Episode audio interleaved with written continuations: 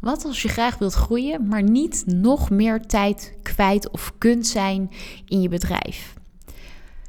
Groeien, meer omzet, een lekker inkomen, vrijheid, vrije tijd, mensen helpen op een manier die jij graag wilt. Je hebt het vast al heel vaak gehoord en de kans dat het de redenen zijn dat jij bent gaan ondernemen, die is ook heel groot. Maar wat nu als je op een punt bent gekomen dat alleen de aspecten omzet en een prima of een lekker inkomen op dit moment goed zitten? Maar dat al die andere dingen niet echt te bekennen zijn. Dat je niet die vrijheid ervaart, niet genoeg vrije tijd hebt. Wat als dat niet helemaal lekker zit? En wat als je ambitie wel groter is? Misschien wil je een ander huis, een luxer leven. Um, wil je gewoon net iets meer te besteden hebben per maand.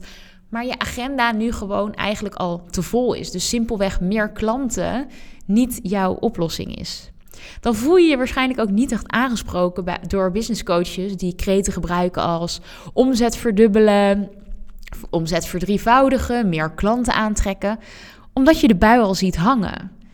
Jij hebt wel een prima omzet. Het kan wel beter, maar je, je bent gewoon al bang voor wat er komen gaat, omdat er niks meer in je agenda bij past. Je wilt niet nog meer klanten. Dus wat ga je dan doen? op dat moment ben je gewoon in een situatie beland waarin je bedrijf eigenlijk jou overneemt in plaats van dat jij het bedrijf echt aan het leiden bent. Jouw bedrijf leidt jou. En het begint meer op leiden te gaan lijken met de andere ei, ehm, dan dat je echt geniet van het ondernemerschap en van die vrije ondernemer. Daar uh, ja, heb jij nog niet heel veel van uh, ervaren. Nou, waarschijnlijk heb je gewoon de afgelopen tijd, misschien wel afgelopen jaren, heel hard gewerkt om op dit niveau te komen. En was geld gewoon een hele belangrijke drijfveer. Het is ook een van de belangrijkste behoeften van de mensen, hè? gewoon financiële zekerheid. En dat heb je bereikt. Maar vervolgens is de vraag: hoe kan ik die andere waarden en verlangens gaan vervullen? En dat is waarschijnlijk niet op de manier zoals je nu werkt. Het bedrijf, hè, als je je herkent in wat ik net deelde, wat je hebt opgebouwd, is eigenlijk niet zo tijdloos in meerdere opzichten. Want het kost je gewoon heel veel tijd. Wat waarschijnlijk niet heel toekomstbestendig is. Want wil je altijd zoveel blijven werken voor dat wat je nu verdient?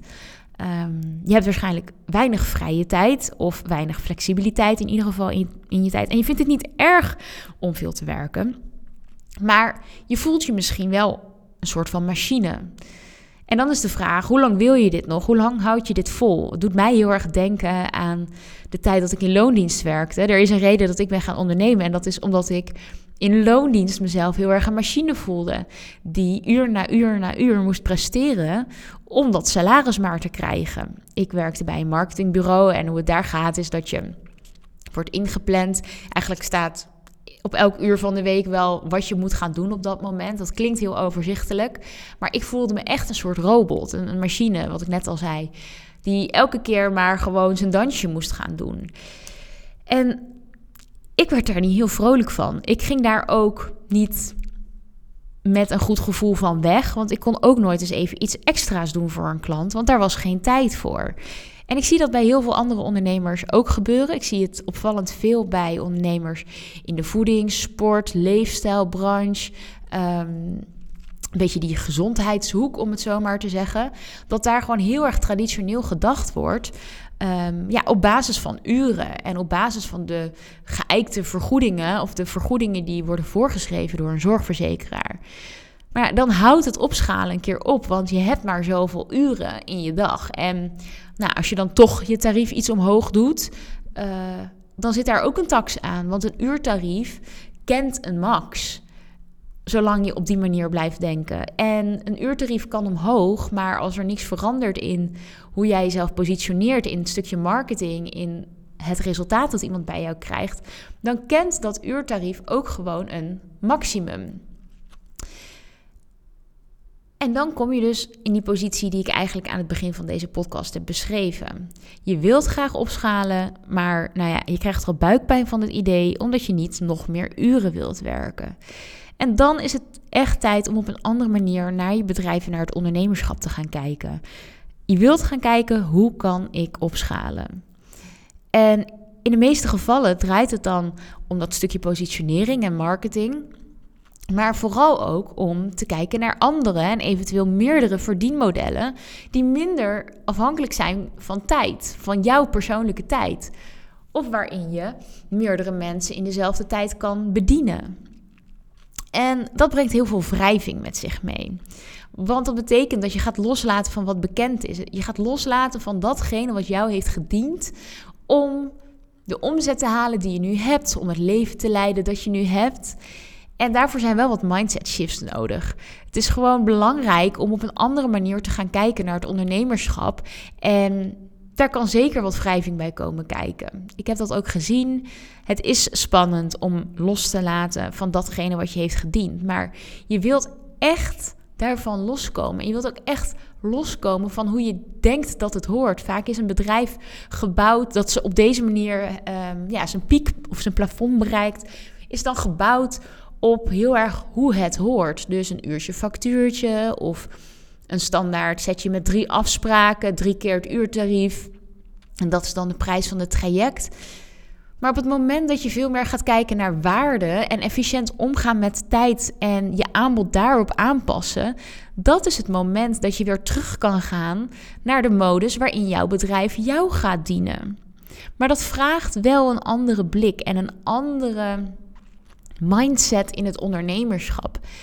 En als je nu merkt dat jij jouw plafond daarin hebt bereikt, dan wil je dus naar deze punten gaan kijken. Hoe kan ik mijn tijd efficiënter besteden? En dan bedoel ik dus niet hoe kan ik nog meer afspraken in zo min mogelijk tijd proppen. Maar hoe kan ik mijn bedrijf efficiënter inrichten qua verdienmodellen, waardoor het meer voor mij gaat werken en ik minder tijd kwijt ben. En dat zijn de dingen waardoor jij die vrijheid gaat ervaren. En misschien is het niet alleen je aanbod, maar ook het automatiseren van bepaalde processen in je bedrijf. Ben je nu naast het klanten helpen ook heel veel tijd kwijt aan marketing. Weet je, het kan op zoveel plekken efficiënter. En vaak zie je dat niet meer, omdat je het zelf al jaren zo doet. Op dit moment zo terecht bent gekomen dat je het eigenlijk wel prima omzet draait, meer wilt, maar ook een soort van hebt geaccepteerd.